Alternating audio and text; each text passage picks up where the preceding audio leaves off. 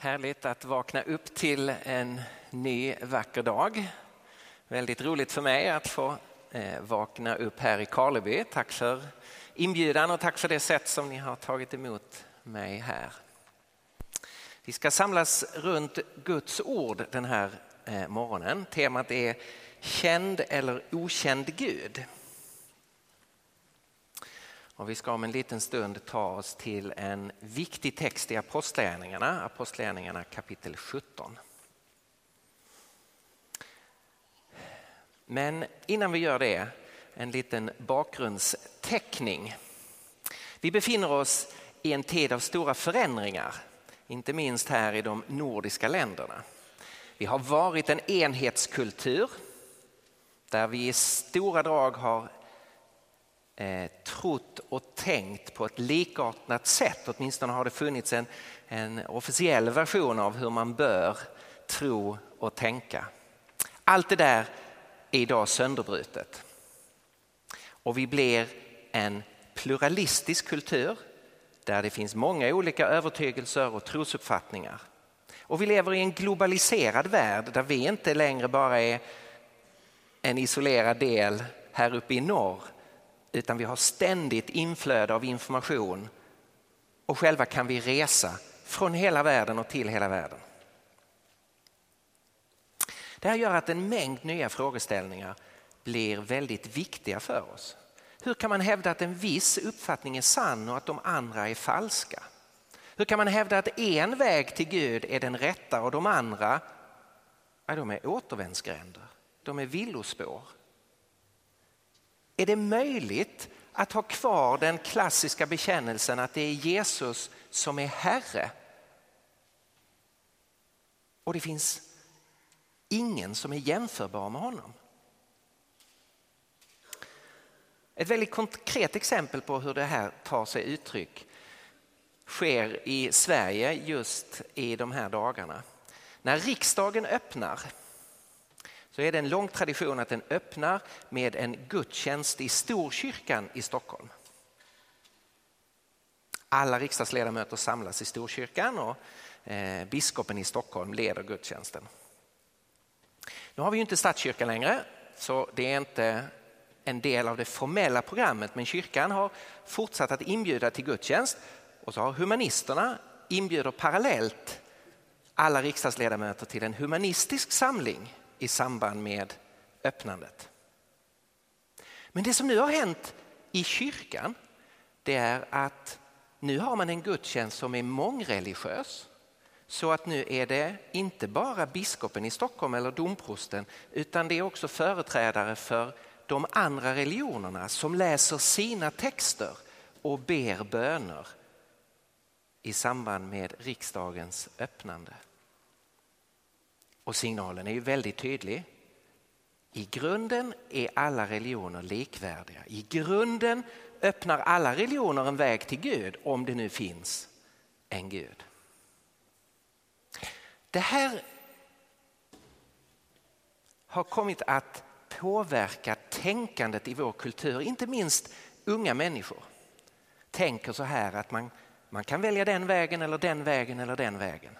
Det går inte att spela ut olika religioner med varandra. Det har blivit lite, för att illustrera det med ett eh, citat från Groucho Marx, en av bröderna Marx om ni minns den humortrion. Han säger på ett ställe Those are my principles and if you don't like them, well, I have others. Det här är mina principer. Ah, Gillar du inte dem så har jag en del andra. Alltså vi har tappat sanningsfrågan. Det är det här som jag vill ta tag i den här morgonen. Jag kommer göra det utifrån tre enkla ord som vi ska jobba med. Förnuft, kunskap och relation. Så vet ni vart jag är på väg. Jag kommer tala om förnuftet, om kunskapen och om relationen. Så, låt oss börja med den första punkten. Om vi använder det redskap Gud har gett oss, förnuftet, och försöker bearbeta de här frågorna, vad händer då? Vart kommer vi? Så, låt oss, jag vet det är tidig morgon, men låt oss koppla på samtliga grå celler. Det kanske var ett tag sedan, men liksom, vi försöker få igång allihopa på en och samma gång och använda vårt tänkande.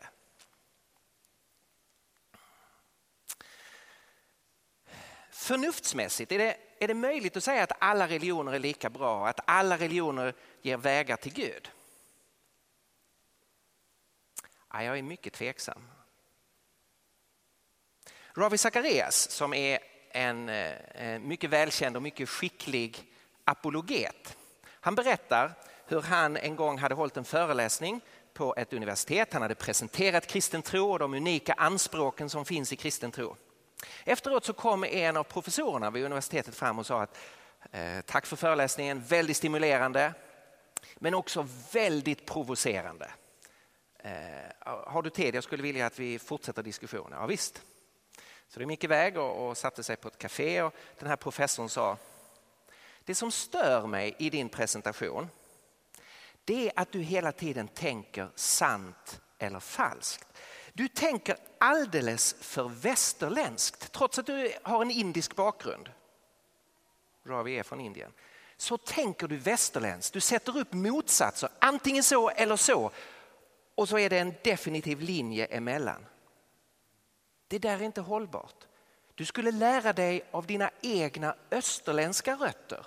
Du borde lära dig att tänka inkluderande, sammanfattande. Då man tänker både och och inte spelar ut dem mot varandra. Och han ritade upp på ett papper antingen eller och en linje mellan och både och och en inkluderande cirkel. Och Ravi tittade på det här och sa, så du menar att vi måste välja antingen eller eller både och? Det verkade som om sanningsfrågan kom tillbaka. Att man inte kan komma undan den här frågan att det är antingen så eller är det så? Gud kan inte både finnas och inte finnas samtidigt. Antingen finns han och då finns han för alla. Oavsett om man tror på honom eller inte. Eller finns han inte? Och det hjälper inte ett spår att jag tror mig blå om hans existens. Då finns han inte.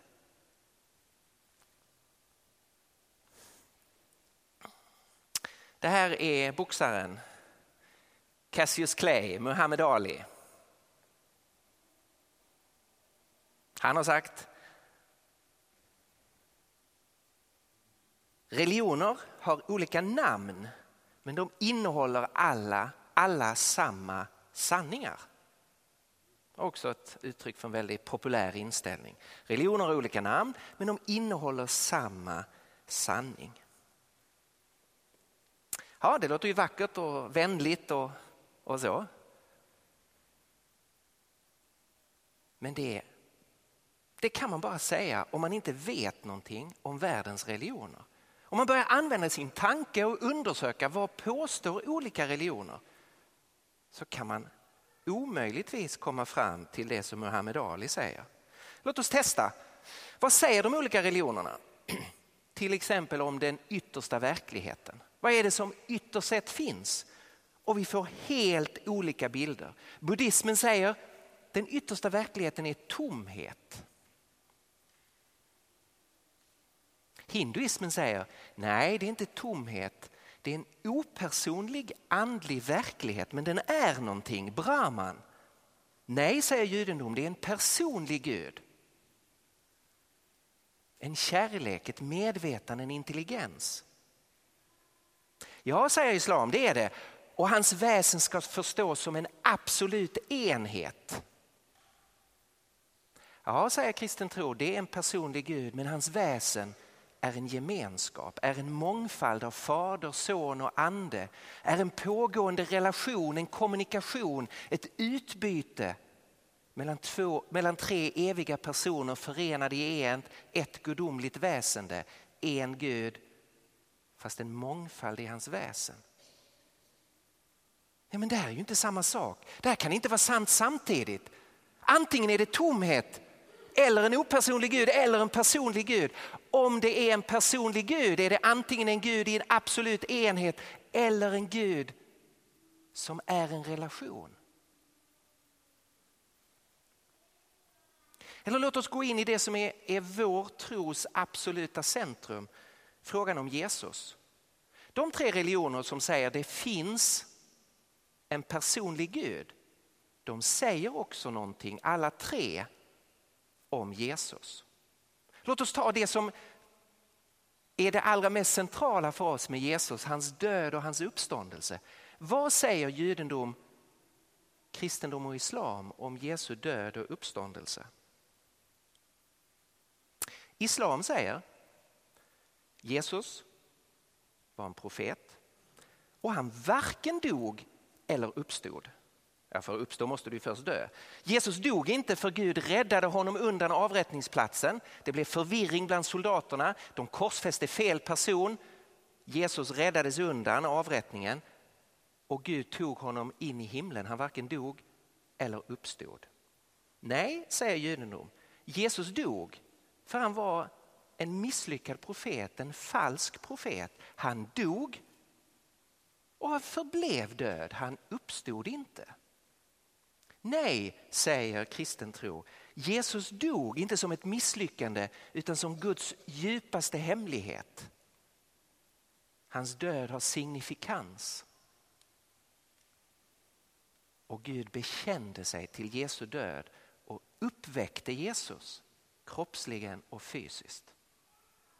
Ja men det här kan ju inte allt vara sant. Antingen dog han eller dog han inte. Antingen uppstod han eller uppstod han inte. Man måste välja.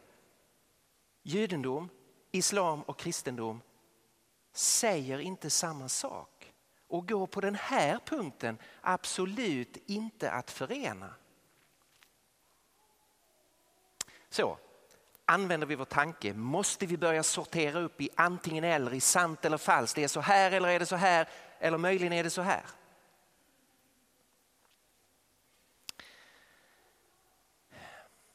För det andra, kunskap.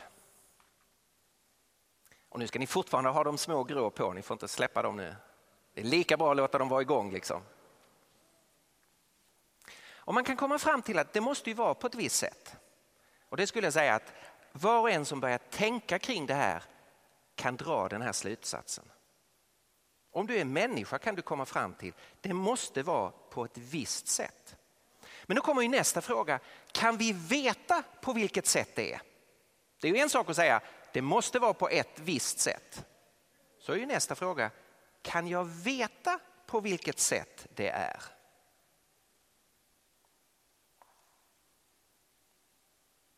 Då är min erfarenhet att om man får tid att prata med sekulariserade svenskar så efter ett tag så kan man få de flesta att hålla med om, ah, okej, okay. det måste ju vara på ett visst sätt. De hänger med på det tankemässiga. Men så säger de, men det är ju ändå ingen som kan veta. Det här är en fullständigt stängd dörr. Ingen kan öppna den här dörren och visa vem Gud är. Och därför så måste vi nöja oss med att säga, du tänker så, du tänker så, jag tänker så här. Vi kan inte ta ställning för ingen kan veta.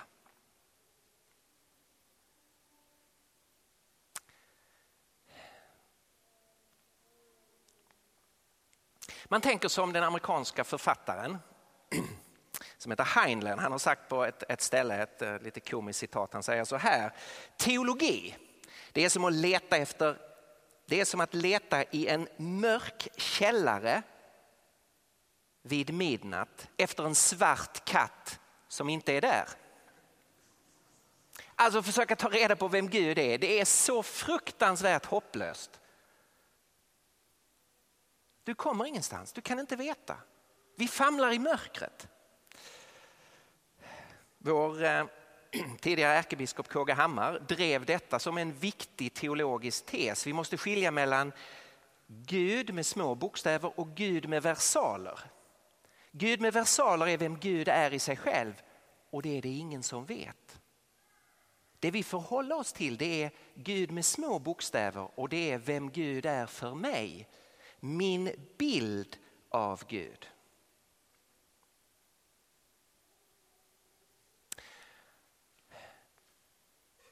Det är absolut så att en möjlighet är att dörren är stängd. Och jag tror så här att om det är upp till oss att öppna dörren mellan vår mänskliga kunskap och Gud så förblir dörren stängd. Men här finns ett alternativ som man måste vara öppen för att överväga. Nämligen att dörren öppnas från andra sidan. Att Gud öppnar dörren.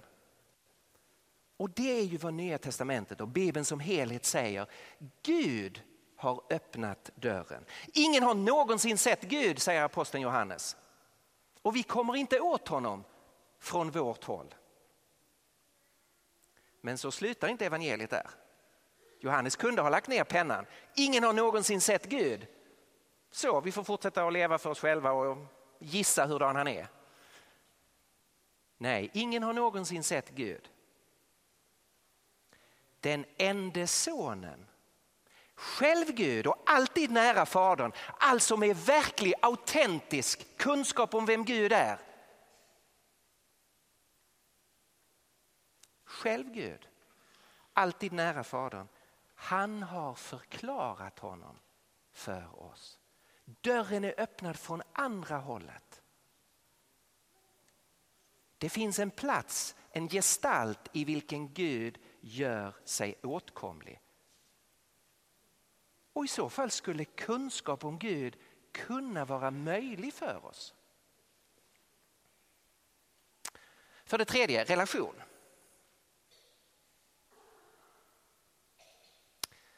Alltså, man kan komma fram till att det måste finnas en sanning, det måste vara på ett visst sätt. Så kan man komma fram till att vi skulle kunna komma åt den sanningen om Gud talar till oss. Men så måste vi ta en, ett tredje steg.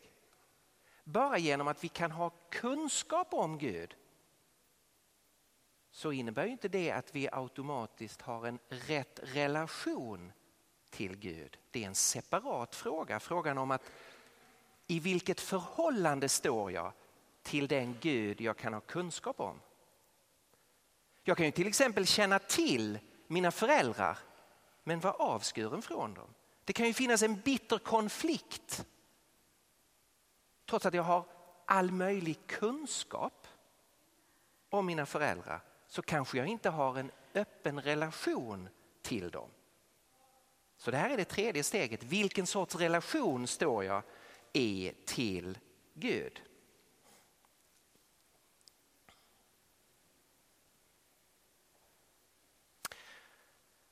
Här finns det ett fascinerande ord i Matteusevangeliet. Det är Jesus som talar. Och han säger så här, det är i Matteus 11 och 27. Allt har min fader anförtrott åt mig. Ingen känner sonen utom fadern och ingen känner Fadern utom Sonen och den som Sonen vill uppenbara honom för. Här finns det fem väldigt viktiga påståenden som har med vår relation till Gud att göra. Låt oss titta på dem ett och ett. Vi kommer följa den här texten bara steg för steg. Fem påståenden om relationen till Gud. Enligt Jesus så har vi inte kontroll över frågan om vår relation till Gud. Ingen känner varken Fadern eller Sonen om inte Sonen vill uppenbara för oss. Initiativet ligger på den andra sidan. Vi har inte kontroll över det här. Och det kan vi nästan förstå, om Gud finns så är det han som har initiativet. Det är inte vi som styr vår relation till honom. Det handlar om huruvida han vill uppenbara. Initiativet ligger på hans sida. För det andra, Jesus representerar Gud fullt ut. Allt har anförtrotts åt sonen. Det är ett väldigt starkt ord. Allt har anförtrotts åt sonen. Han är den fulla representanten för Gud.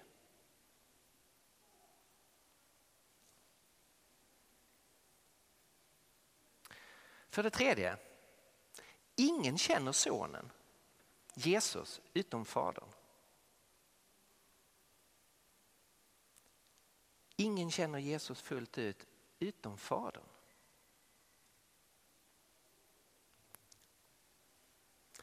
Och det motsatta gäller också. Ingen känner fadern utom genom sonen.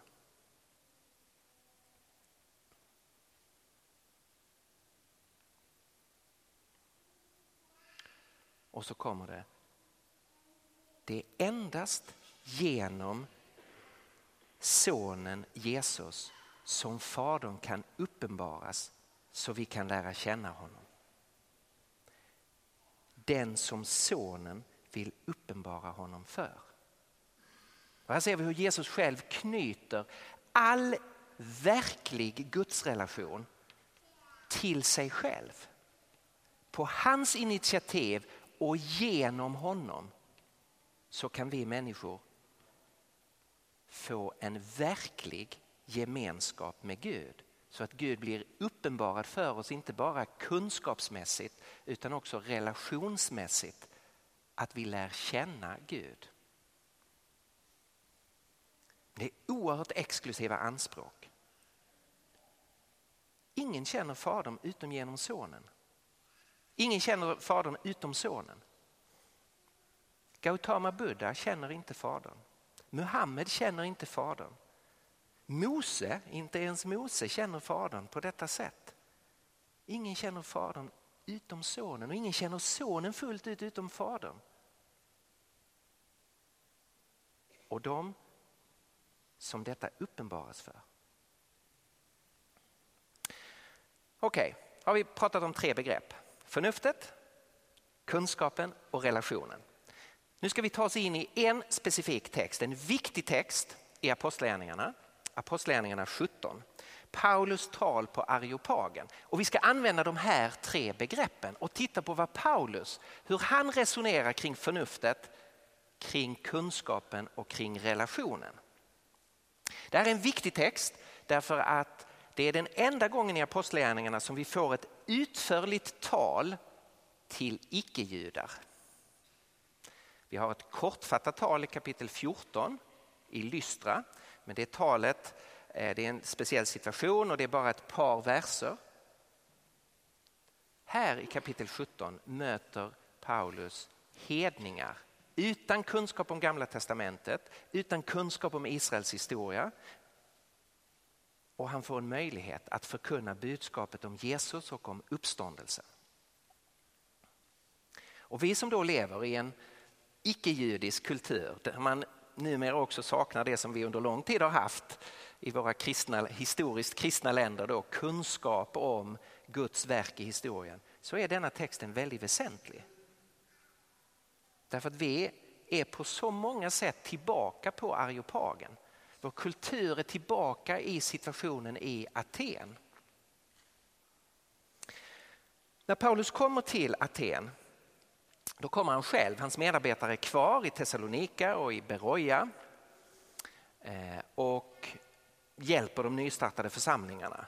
Håller på med lärjungaträning och insätta ledare och så. Paulus har fått fly för sitt liv, de vill slå ihjäl honom. Så han har tagit sig ner till Aten och han är nu där själv.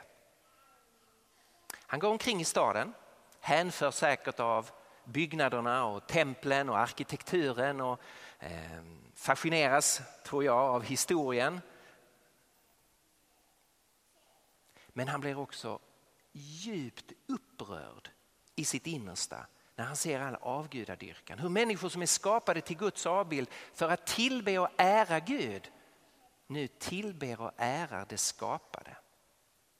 Han upprörs i sitt innersta över den avgudadyrkan som undertrycker staden, som ligger som ett, ett stort tryck, mörkt tryck över staden.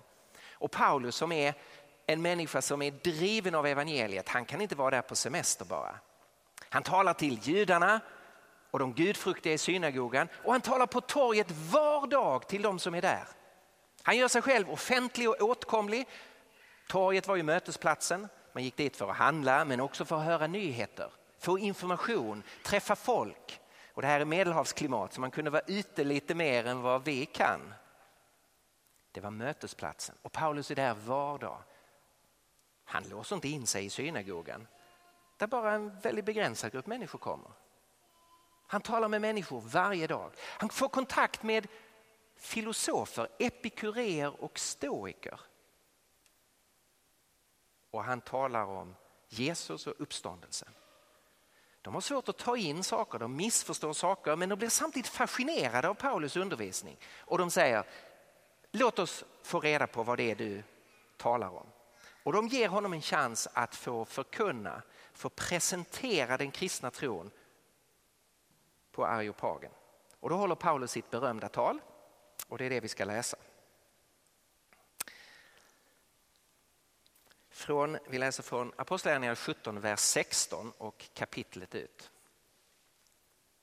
Medan Paulus gick och väntade på dem i Aten blev han upprörd i sitt innersta när han såg alla de avgudabilder som fyllde staden. Han talade i synagogan till judarna och de gudfruktiga och på torget var dag till dem som uppehöll sig där. En del filosofer, både epikurer och stoiker, inlät sig då i diskussion med honom. Några sa, vad är det för visdomskorn den där har snappat upp, vart vill han komma? Och andra, han är tydligen en som vill införa främmande gudar. Paulus predikade ju budskapet om Jesus och uppståndelsen. Det tog honom med sig till Areopagen och sa, kan vi få reda på vad det är för en ny lära du förkunnar? Det är besynnerliga saker som du dukar upp för oss. Nu vill vi veta vad det är frågan om. Atenarna, liksom de främlingar som bodde i staden, ägnade nämligen all sin tid åt att tala om och lyssna på det som var nytt för dagen. Paulus steg fram för, inför Areopagen och sa Atenare, jag ser att ni är mycket noga med religiösa ting. När jag gått omkring och sett på era gudabilder har jag nämligen också upptäckt ett altare med inskriften åt en okänd gud. Det som ni alltså dyrkar utan att känna till, det är vad jag förkunnar för er. Gud som har skapat världen och allt den rymmer, han som är herre över himmel och jord, bor inte i tempel som är byggda av människohand. Inte heller låter han sig betjäna sig av människohänder som om han behövde något. Han som själv ger alla liv och anda och allt. Av en enda människa har han skapat alla folk. Han har låtit dem bo över hela jordens yta och han har fastställt bestämda tider för dem och det är gränser inom vilka de ska bo. Det har han gjort för att de ska söka Gud och kanske kunna träva sig fram till honom. Han är inte långt borta från någon enda av oss. Ty i honom är det vi lever, rör oss och är till. Som också några av era egna skalder har sagt, vi har vårt ursprung i honom. När vi nu har vårt ursprung i Gud, då får vi inte föreställa oss det gudomliga som något av guld eller silver eller sten som något en människa har format efter sina idéer och med sin konstfärdighet. En lång tid har Gud haft överseende med okunnigheten.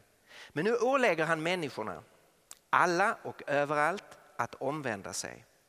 Ty han har fastställt en dag då han ska döma världen med rättfärdighet genom en man som han i förväg har bestämt därtill. Det har han bekräftat för alla människor genom att låta honom uppstå från de döda. När Paulus nämnde uppståndelsen från de döda var det några som gjorde sig lustiga medan andra sa vi vill höra dig tala mer om detta en annan gång. Därmed lämnade han de församlade. Det var dock några som slöt sig till honom och kom till tro. Bland dem Dionysius som var medlem av Areopagen och en kvinna vid namn Damaris och några till.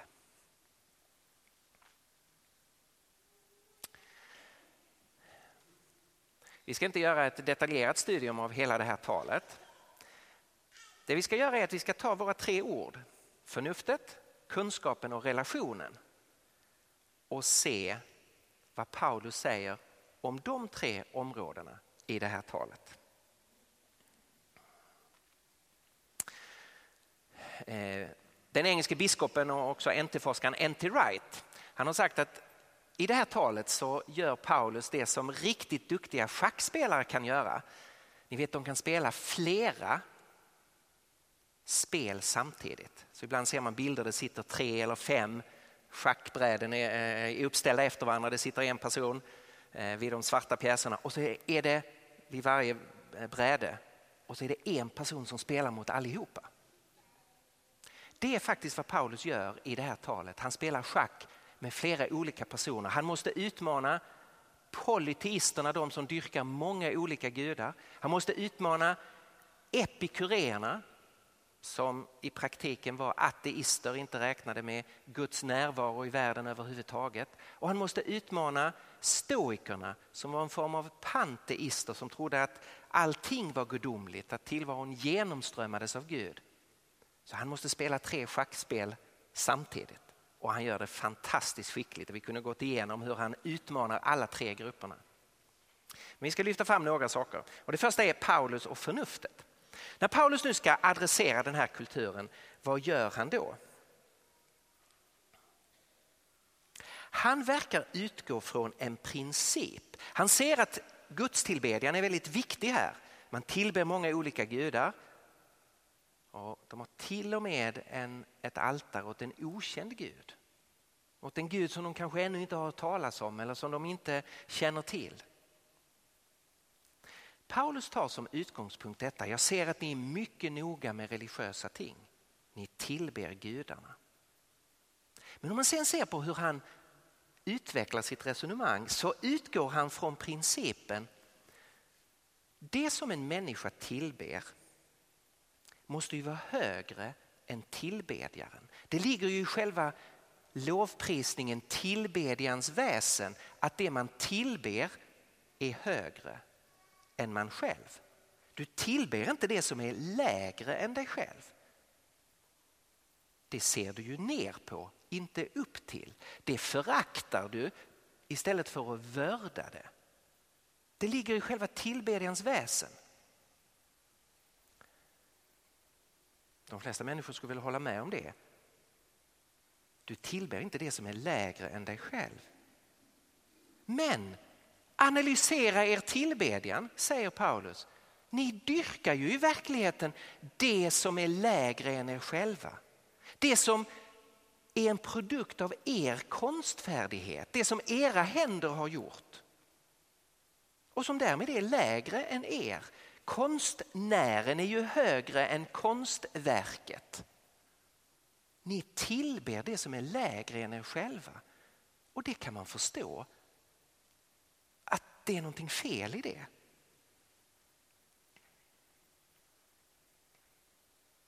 Om det finns en Gud så kan han ju inte bli begränsad till ett tempel som människor har byggt. Eller att han skulle behöva betjänas med mat som vi bär till honom. Han måste ju vara högre än vi om han ska vara värd vår tillbedjan. Gud kan inte vara någonting som är ett resultat av vad vi har tänkt ut eller av vad våra händer har gjort. För då är ju vi högre. Ser ni inte att det finns ett fundamentalt problem i hela er tillbedjan här?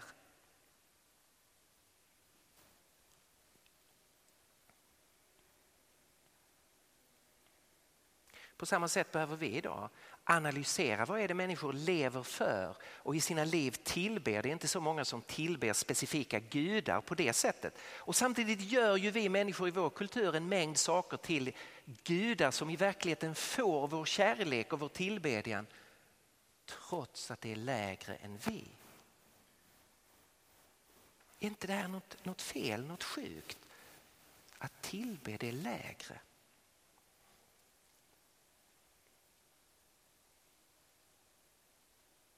För det andra, Paulus och kunskapen.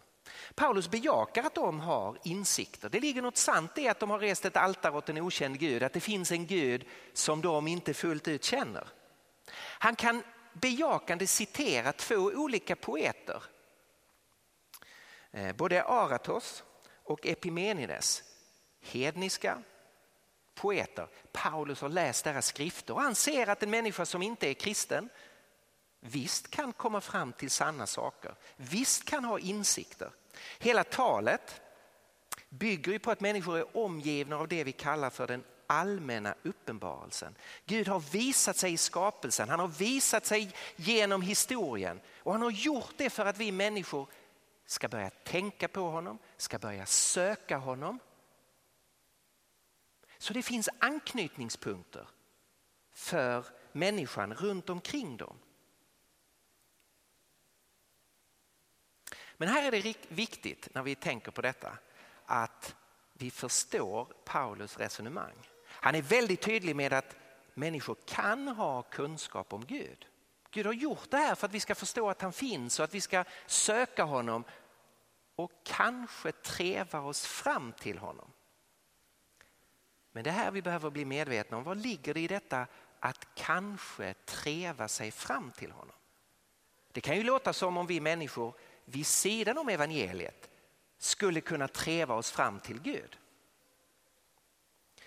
Men här har Paulus en väldigt tydlig ambivalens. När han använder det här uttrycket, kanske kunna treva sig fram till honom, så är uttrycket på grekiska, det är, handlar om en blind person som famlar i mörkret. Och som därför inte ser ens det som man har alldeles framför sig.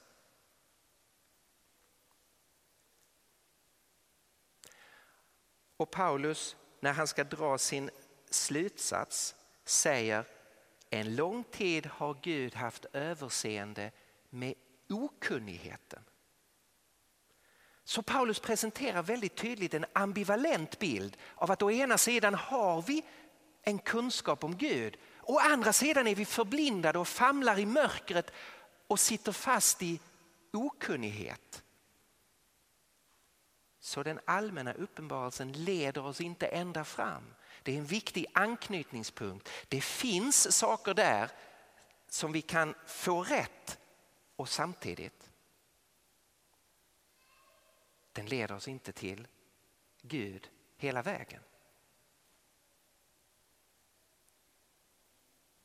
Här är det viktigt för oss att vi har med de här båda sidorna, att bejaka vad Gud gör över hela världen genom skapelsen och att där finns någonting verkligt att anknyta till.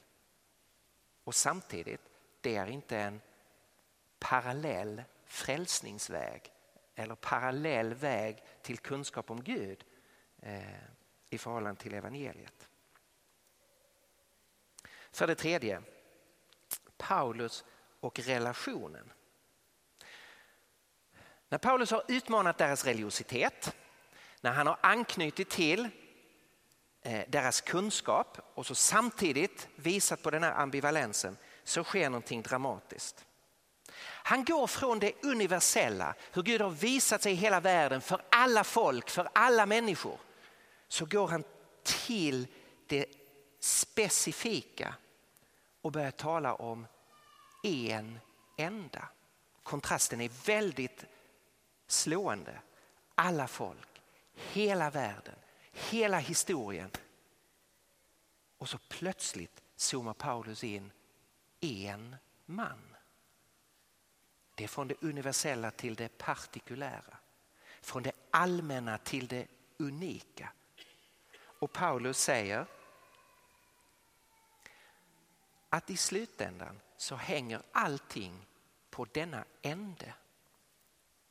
Det finns en person genom vilken Gud ska ställa allt till rätta igen.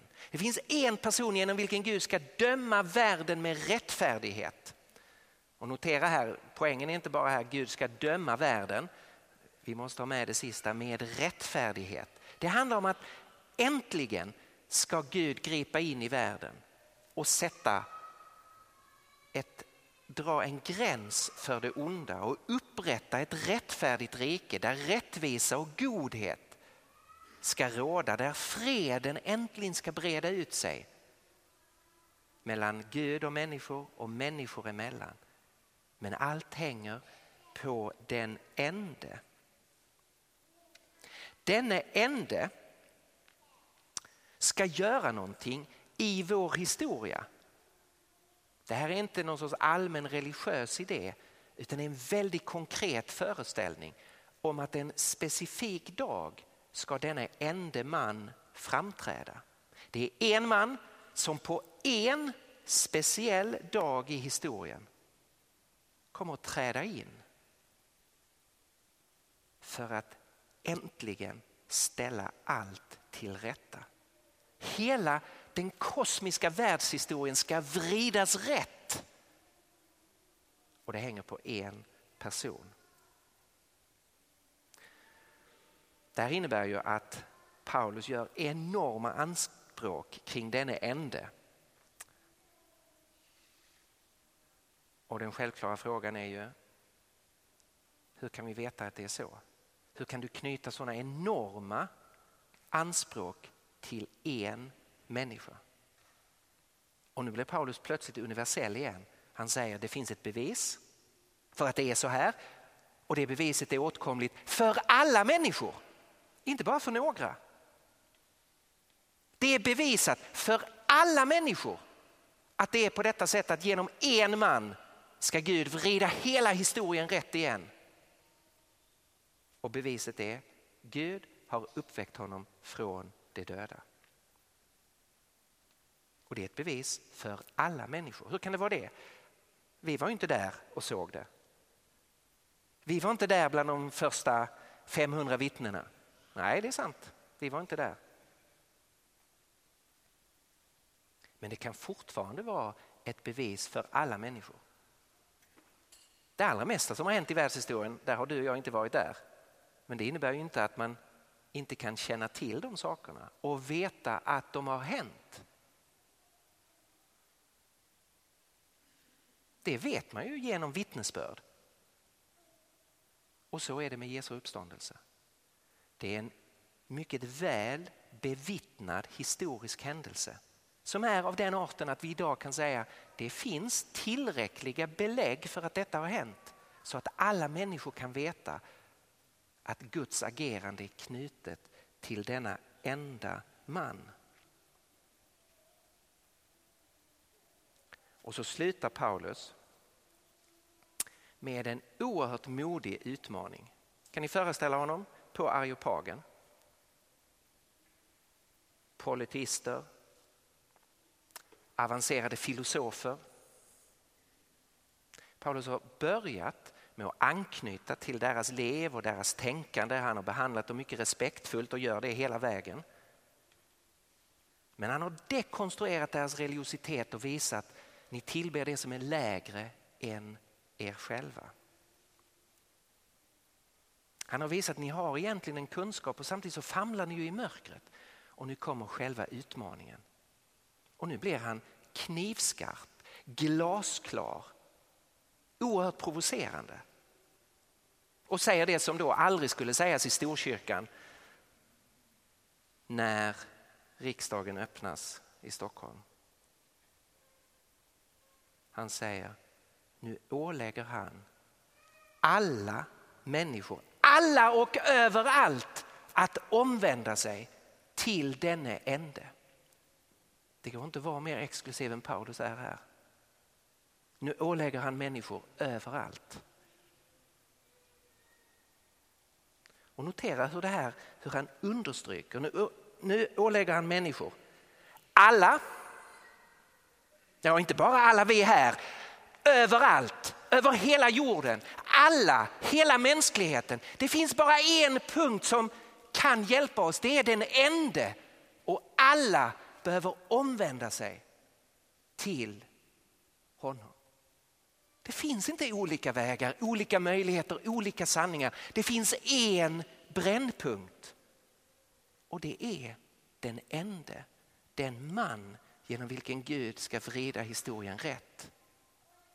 Som Gud har uppväckt ifrån de döda. Där kan vi sen se att det här perspektivet är ju genomgående överallt i Nya Testamentet.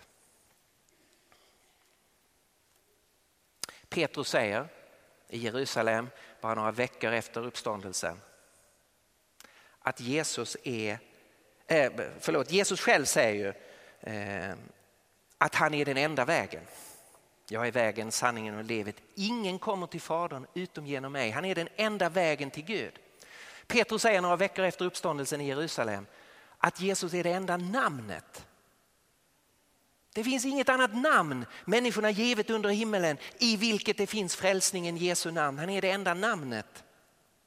Paulus säger att han är den enda grunden. En annan grund kan inte läggas än den som redan är lagd och den grunden är Jesus Kristus. Och i ett av sina sista brev så skriver Paulus att han är den enda medlaren. En är medlaren mellan Gud och människor. Människan Jesus Kristus. Den enda medlaren, den enda som kan göra det rätt mellan Gud och människan. Han är den enda vägen, han är det enda namnet, han är den enda grunden. Han är den enda medlaren.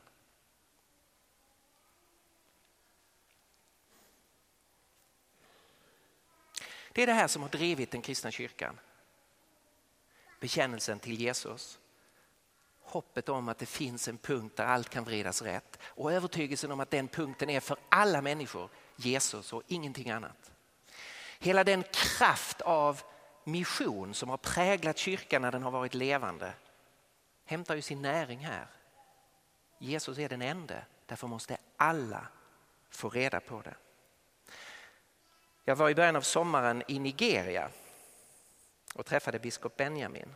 Han berättade om när missionärerna hade kommit till Nigeria. Det kom tyska missionärer för att dela evangeliet med hans kultur. Första gruppen tyska missionärer kom, steg i land. De antingen dog eller dödades. Då sände man en ny grupp missionärer. De, antingen, de steg i land och antingen så dog de av sjukdomar eller dödades de. Då skickade man en tredje grupp missionärer. Och de sa vi måste ta med oss kistor. För vi kommer att dö i Nigeria.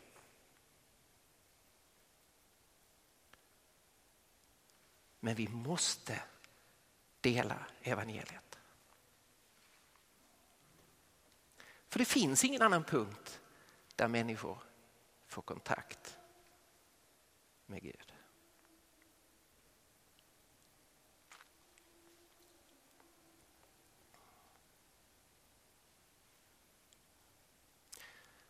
Låt det bli stilla en liten stund.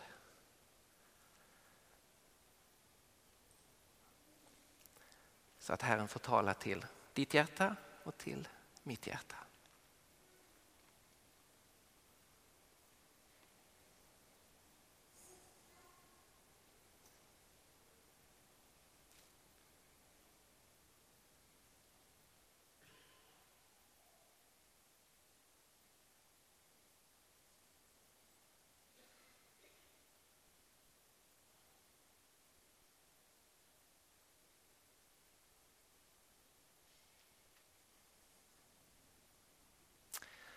Jesus, vi böjer oss inför dig. Vi vill bekänna dig som vår frälsare och som vår Herre. Tack för att du har öppnat vägen och gjort det möjligt för oss att utan skam och utan blygsel få träda fram inför Gud. Tack för det underbara evangeliet som du har gett oss.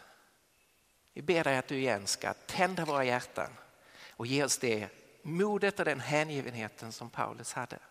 Så att vi igen kan få se människor i våra länder och människor runt omkring oss får ta emot dig och bli förvandlade av vem du är.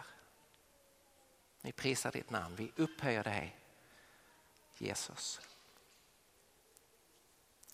Amen.